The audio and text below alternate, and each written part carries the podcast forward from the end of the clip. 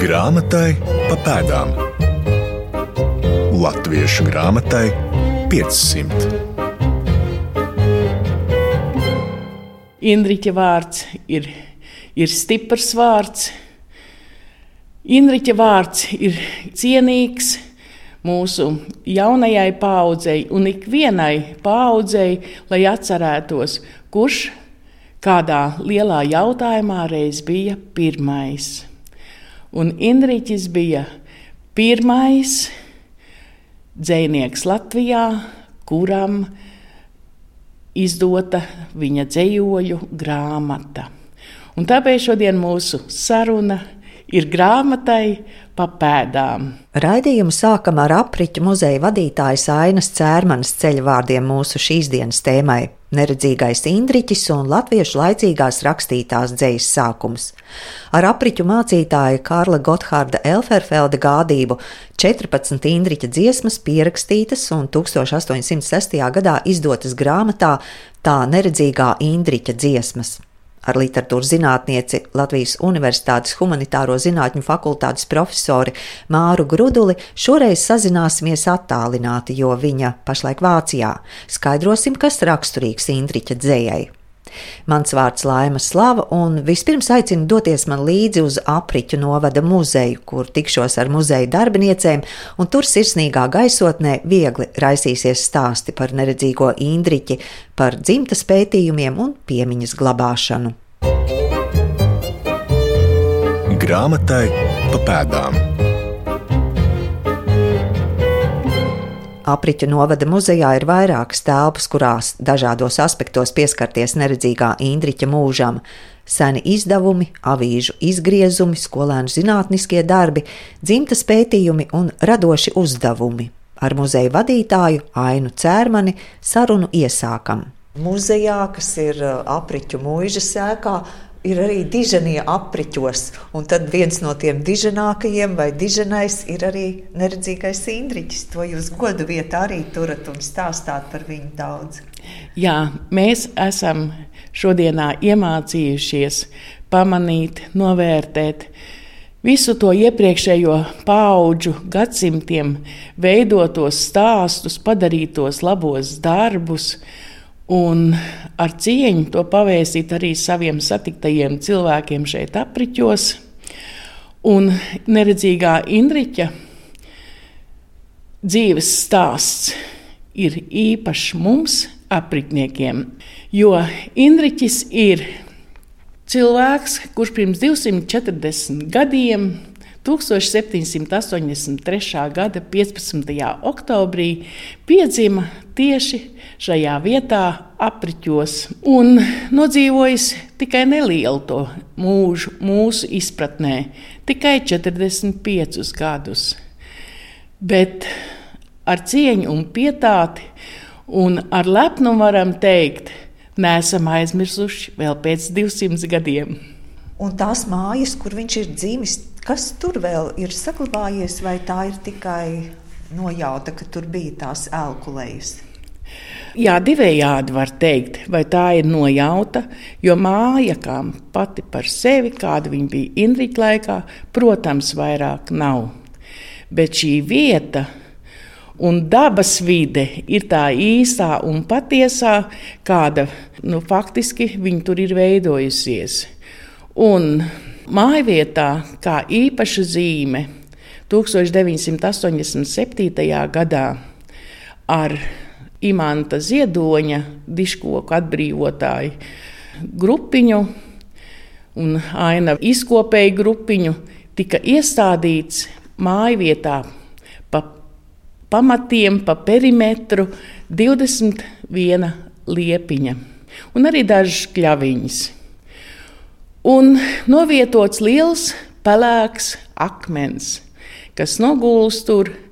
Un, paklausot viņu aicinājumam, toreizējais izpildkomitejas priekšsēdētājs Žants Zermsons darīja visu iespējamo, lai šī ideja īstenotos un šī piemiņas vieta arī šodien vēstītu, reiz te bija Varbūt tās ir manas subjektīvās domas. Man liekas, tā ir īsta mājvieta, jo no ārienes liekas viens liels koks.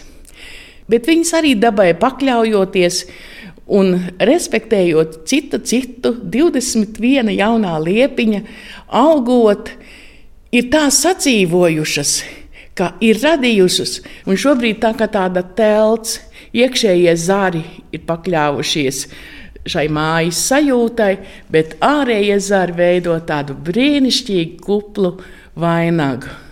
Man vienmēr ir tāda sajūta, ka Šajā vietā es esmu pie Indriča mājās. Izpētes augsne. Neredzīgais Indriķis ir viens no latviešu laicīgās dzejas agrīnajiem pārstāvjiem.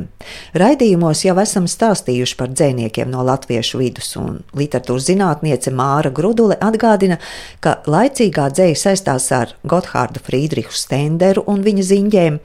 Čikuļa Jēkabs un Juris Natanēls Ramanis turpina reliģiskās dzējas tradīciju, tad Indriķis savā dzējā vairāk pieskaras ikdienai, sadzīvei, arī valsts jautājumiem, rakstot veltījumu dzēju, mazāk viņa dzējā reliģisko motīvu. Tas, kas vieno Indriķi ar Ramani, Čikuļu Jēkabu un Stenderu, Tas, par ko mēs varbūt neaizdomājamies, ka attiecināt vārdu dzēja, mēs, protams, varam uz šiem tekstiem, jo tie ir ritmizēti un ar atskaņām, bet patiesību sakot, ja mēs runājam par adresātu un izpildījumu, tad tās visas ir dziesmas. Un uh, tie ir teksti, kas top tajā laikā, kad latviešu lasītāju skaits vēl ir neliels un uztvērējs uztver informāciju audiālā ceļā. Vienkāršāk sakot, klausoties un arī viens otram nodot. Uh, dziedot tātad ar mutes, orālu starpniecību un uztver arī klausoties. Tā kā patiesību sakot, Stenderam ir ziņas, kas ir tā pati dziesma, un arī Čikuļjēkapam, Indriķim tās ir dziesmas, kas būtu jāatceras. Zināms, ka Indriķis zaudējis redzi Baku sērgā piecu gadu vecumā, būdams gaiša un apdāvināta rakstura. No apriņķu ķestera, vāveru āņģa dzirdēdams sava laika dzēju, galvenokārt baznīcas dziesmas un stendera ziņas, sācis sacerēt pats. Kā Indriķis nonāk līdz uh, dzējošanai, tādai, kāda tā ir, mums ir ļoti grūti pateikt, cik, cik uh, par to ir rakstījuši Indriča laika biedri, viņa atbalstītāji, vācu mācītāji, tad visticamāk, ka Indričs ir bijis tautas dziesminieks. Tāpēc viņa rakstītā izskatās, ka viņš ir bijis teicējs tādā mūsdienu izpratnē. Viņam ir bijusi laba ritmu izjūta un acīm redzot, labi pazīstama arī tautas dzejas, tautsdziesmu tradīcija. Un, uh, 18. un 19. gadsimta mija ir tautas apgaismības laikmets, un viens no tautas apgaismotāju, tātad vācu mācītāju uzdevumiem ir ne tikai dot laicīgo literatūru, bet pamanīt arī tautā talantus. Un Indriķis ir lūk tāds brīnišķīgs piemērs, kur apriņķis mācītājs, kas viņu labi pazīst, pamana Indriķa dzējošanas talantu, Un acīm redzot, eh, domā pavērst šo talantu tajā dzīslu tradīcijā, kur viņš uzskata par turpināšanas vērtu, respektīvi, oriģinālu dzīslu tradīcijā, un tā ir, protams, vācu dzīslu tradīcija. Tad, tad eh, Mums ir grūti pateikt, kādi tie pantmēri un uh, ritmi bija, kādos Indriķis dzējoja līdz tam, bet tas, ko mēs redzam viņa tekstos, tā ir tā dzējas tradīcija, ko ir devuši latviešiem, latviešu tekstiem Baltijas vācieši, kas ir tuva vācu reliģiskās un laicīgās dzējas tradīcijai. Indriča pirmais publicētais dzējolis Rīta dziesma iespiests kurzemes kalendārā veca un jauna laika grāmata uz to 1807. gadu un dzējoļu krājums, tā neredzīgā Indriča dziesmas, datēts ar 1806. gadu, tātad vienlaikus. Pētniecībā interesants ir konteksts, un Māra Grudule min faktu, proti, apriņķu mācītājs Elferfelds divus gadus pirms Indriča dzējas grāmatas ir papildinājis latviešu laicīgās literatūras klāstu ar interesantu izdevumu, kurā pamācības kā kultūrāli pavadīt brīvo laiku vesela grāmatiņa, kur sauc Līgsmības grāmata, kurā ir pagaršs ievads, kas dod padomus, kā spēlēt spēles. Viena no vienkāršākajām spēlēm, tātad, ja ir viesības, ir atskaņas. Kāds ierosina vienu vārdu, piemēram, koks, un tad nākošais saka loks, vai veido teikums, kuru galā ir šīs atskaņas, un respektīvi tā ir spēle, kas radina dzējot radīt pašam ritmiskus tekstus. Nākošā spēle, ko mēs šodien pazīstam kā memo šovu, arī tāds padoms ir, kā izklaidēties viesībās, rādīt ar kustībām un likt pārējai sabiedrībai atminēt, ko tu tur redz. Un pats sarežģītākais spēles veids līksmības grāmatā ir aprakstīts, kā lauku mājā spēlēt teātri. Un Elferfelds dod gan zejas piemērus, gan arī Ludziņas savā līgsmības grāmatā 1804. gads, divi gadi pirms Indriča.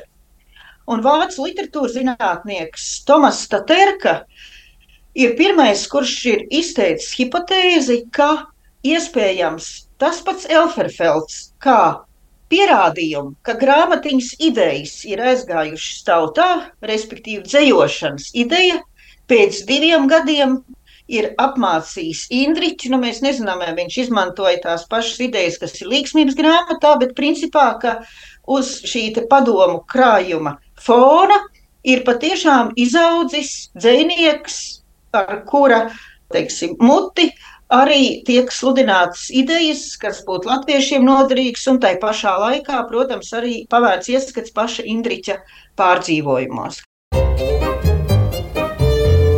Grāmatai pa pēdām. Kāda ir Indriča dzēja? Literatūras zinātniece Māra Gruduli norāda, ka Indriča dzējā jaušama personīgo motīvu atklāsme. Ja, piemēram, Stendera mīlestības ziņģēs, tās tulkotas no vācu valodas, un tie ir konkrēti latviešu zemnieku tēli, kuru mīlestību viņš atveido, tad citādi tas ir Indriča dzējā. Bet Indriča dzējā mēs redzam, ka Indričs raksta savai līgavai mīlestības dziesmas. Tad tas personīgais pārdzīvojums ir klātesošs, bet citādi gan dzējas forma, gan stilistika, gan arī tās melodijas, ko viņš ir piemeklējis, tas ir skaidrs sava laika garīgo dziesmu, Fīrekers, galvenokārt sava laika laicīgo dziesmu, Stenders, turpinājums, un lūk, arī šie personīgie motīvi, kas dara to dzēju tādu individuālu. Jā, un šajā krājumā ir 14 dziesmas. Ietvertas. Jā, domājams, ka ir bijušas vēl tādas kopumā, ja mēs runājam par mūsdienās, nu, nosacīt pēdējo reizi Indriča dziesmas pilnā apmērā, man liekas, publicēts 1938. gadā, tas ir tā drusku bēdīgi šur un tur pa kādai dziesmai parādās. Un tur ir 23, bet ir doma, ka ir bijušas vēl. Jo ir arī šur tur minētas dziesmas, par kurām nekas sīkāk nav zināms. Tās pārējās dziesmas pēc tā krājuma nāk jau klajā latviešu avīzēs. Un ar šo grāmatiņu Indriča ceļš sadzīvē tika padarīts, es domāju, gludāks un labāks. Viņam izdevās arī labi apprecēties, viņam bija četri bērni kupla ģimene, viņam bija arī amats, bija skroderis un arī kurpnieks, un uh, viņš bija arī populārs. Mēs redzam arī, ka dokumentos, cik ir izdevies tos atrast, kur apliecina viņa dzimtas locekļu kristības un iesvētības uh, alažs, kur parādās Indriķa vārds, jau pēc grāmatiņas publikācijas viņš ir minēts kā dzēnieks, tā kā arī ar īpašu statusu sava laika sabiedrībā. Atgriezīsimies apriņķu muzejā. Aina Cērmane ver vaļā nelielus sainīšus, kuros paslēpts kāds uzdevums vai vēstījums par neredzīgo Indriķi. Ko nozīmē tāds cipariņš četri? Četri bērni. Tieši tā, tieši tā. Un kaķīts ir tāds mājas simbols, kad visos laikos tā ir tāda zīme, ka tur ir spēks. Un arī šajā mājā ar vien kāds kaķītis paciemojas. Trešā noslēpumainā dāvaniņa mums pavēstīs tieši to, ka. Aha! Tas būs kāds instruments, ar ko ir darbojies Indriķis. Jā, un akls būdams, viņš ir iemācījies apgūt ļoti daudzus darbus. Tas ir īlēns, ar ko kurpes saviem ģimenes bērniem uh, gatavot pastalas un arī šūt, drēbnieku amatu apgūs. Un pilnīgi pat neiespējami saprast, kā visu to ir varējis arī izdarīt neredzīgais Indriks. Savukārt, ejot cauri muzeja telpai, kas iekārtota kā klase, Ainu Cērmani vedinu pastāstīt par skološanos. Indriķis eh, nebaudīja skolu, bet. bet rūpējās un panāca to, ka viņa bērni visi iemācījās lasīt, un arī sieva iemācījās lasīt, un viņam lasīja šos tekstus priekšā. Tas liekas, ka nu, arī tāds ģimenes virsuzdevums, ka, ja tev ir iespēja izglītoties, tad tev jāņem pretī tas, ko tev, kas tev tiek piedāvāts, un tev ir jāiemācās gan lasīt, gan nu, būt arī pietiekam gudram. Dažādos izdevumos un encyklopēdijās, meklējot ziņas par Indriča dzīvi, tās rodamas pie burta N. Neredzīgais Indriķis, it kā neredzīgums būtu viņa uzvārds, Mārai Grudulēji patiktu vairāk elkulēju Indriķis. Tikai vēlākos laikos dzimtai dots uzvārds Hartmanis. Apriķu muzejā pie sienas Hartmaņu neredzīgā Indriķa dzimtas koks ar daudzām, daudzām ozolu lapām. Mēs varam arī aiziet uz Jā. turieni, lai būtu uzskatāmi. Muzeja darbiniekiem laimējies satikties ar gulbju ģimeni no grobiņas. Toreiz, 2010. gadā, 12. klases skolnieks Gatis Gulbis izvēlējies pētīt Indriča dzimtu. Un tā tās ozola lapiņas šajā skaistajā lielajā kokā ved, ved un aizved. Jā, te pašā galotnītē ir Gatis Gulbis. Un tad mums arī vēl ir atklājušies arī radinieki, un mēs ļoti, ļoti priecājamies, ka Anna Dronova ir arī bijusi mūsu skolas absolvente un brīnišķīgi savā atmiņu kladītē, grāmatiņā mazajā. Izstāst arī to stāstu, gan atmiņas par savu skolu, gan arī par radinieku neredzīgo Indriķa no tēva puses šo stāstīnu. Arī Māra Grudule zina stāstīt par dzēniecēm, kas nākušas no Indriča dzimtas. Jo es zinu vismaz divas dzēnietes, divas latviešu dzēnietes, kuras arī uzskata, ka viņu dzimtas ir saistītas ar Indriča dzimtu, un tā viena ir Astrīda Ivaska, kas jau ir tāda varbūt vispār zinām, un otra ir Ilona Miezīte, arī kurzemnieces. Viņa arī uzskata, ka viņas saknes ir saistīts ar Hartmaņa dzimtu. Un, un es atceros, mēs rīkojām Indriķa konferenci 2006. gadā Indriķim un Alunānam, tā kā tiem e, gadi krājumiem beidzas ar, ar sešnieku. Un tad mēs skatījāmies Indriķa portretu, un man šķiet, man pat ir fotografija, kur Ilona Miezīte stāv profilā Indriķa portrets e, un pētam, kā tie sejas vaips tie saskan. Un Ilona bija tik priecīga, ka deguna forma var saskatīt līdzīgi. Domāju, daudziem ir zināms Indriča portrets profilā ar nolaistiem acu plakstiem. Vācieši viņi ne tikai tulko, viņi ne tikai publicē savos izdevumos, viņi ne tikai vāc līdzekļus iepriekš aicinot parakstīties uz Indriča krājumiņu, lai būtu naudiņas, bet arī šo portretu organizē vācu mākslinieks Grune. Darina Indriča portretu, kur iespējams viņam ir kaut 23 vai 24 gadi, kādu mēs viņu redzam. Un tas viss, lai viņu popularizētu, darītu pazīstamu, latviešiem ir savs dzēnieks, bet arī, protams, lai iegūtu naudiņas, no kurām tad sumiņa aiziet arī, arī Indričim. Jā, par šo krājumu 1806. gads, tā neredzīgā Indriča dziesmas, vai šis pirmkrājums ir uh, joprojām redzams, uh, saglabājies? Grāmatiņa ir saglabājusies. Grāmatiņai, cik mēs varam saprast, no aprakstītā ir bijuši aptuveni 2400 tirāža liela. Ir arī krietnes skaits latviešu, cik var saprast no tā publicētā saraksta, kas ir tie, kas ir iepriekš parakstījušies. Tas ir diezgan krietni, un tad 19. gadsimta 60. gados iznāk uh, atkārtotā izdevumā. Jāatcerās arī, ka tās Indriķa dziesmas tiešām kā dziesmas ir jālasa skaļi. Atklājam tekstus. Manās tumšās mājās ir man bēdu gan. Tas, kam labi klājas, to neprot. ka man grūti ir jāmalda. Taču sirds jāvalda man no skumības, ir iekšpriecības. Un kas par to būtu, ja raudām vienu pavadītu kļūtu katra dzīves diena? Velti prātiņi rādi dienu, kam vienādi ir aid nakts un diena, tumši laiki vien. Nē, jau nebūs smādēt dievu gudrību tam, kas negrib skādēt savu laimību. Saule zemi silda un ar augļiem pilda, tiešām ir priekš man. Tā jau strādā gan. Lasot, jādomā līdzi, taču skaidrs ir viens saules spīd arī viņam, un ir prieki, ko arī neredzīgs cilvēks var just. Mārai Grudulē īpaši tuvas tās Indriča dziesmas, kur ieskanas personiskais pārdzīvojums. Un tad tā otra Indriča dzīslas puse, protams, ir dziesma, kura informē sabiedrību. Tas arī jāatcerās. Tas ir laiks, kurā latviešiem vēl nav avīžu, bet ir ļoti svarīgi notikumi, kas tieši skar arī latviešu dzimbūšanas atcelšanas otrajā desmitgadē. Tās ir tās dziesmas, kas jau ir ārpus krājuma, bet kas ir publicētas avīzēs - dzimbūšanas atcelšana. Un Indriķim ir vesels divas dziesmas par šo notikumu. Kā tas notiks?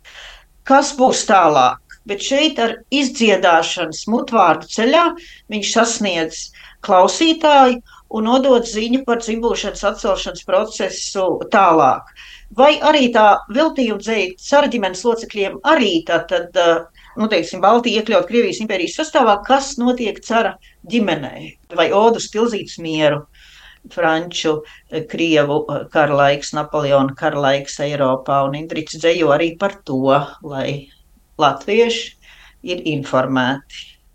Dziesma kā avīžu aizstājēja un informētāja.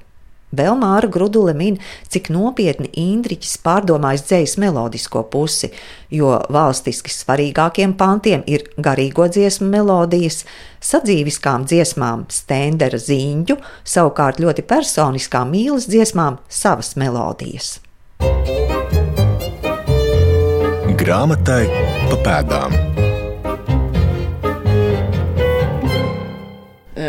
Es pacēlu šo grāmatiņu Apriņķa muzejā Aina Cērmana rāda 1938. gada kājas izdevumu Neredzīgais Indriķis dzīve un dziesmas. Grāmata.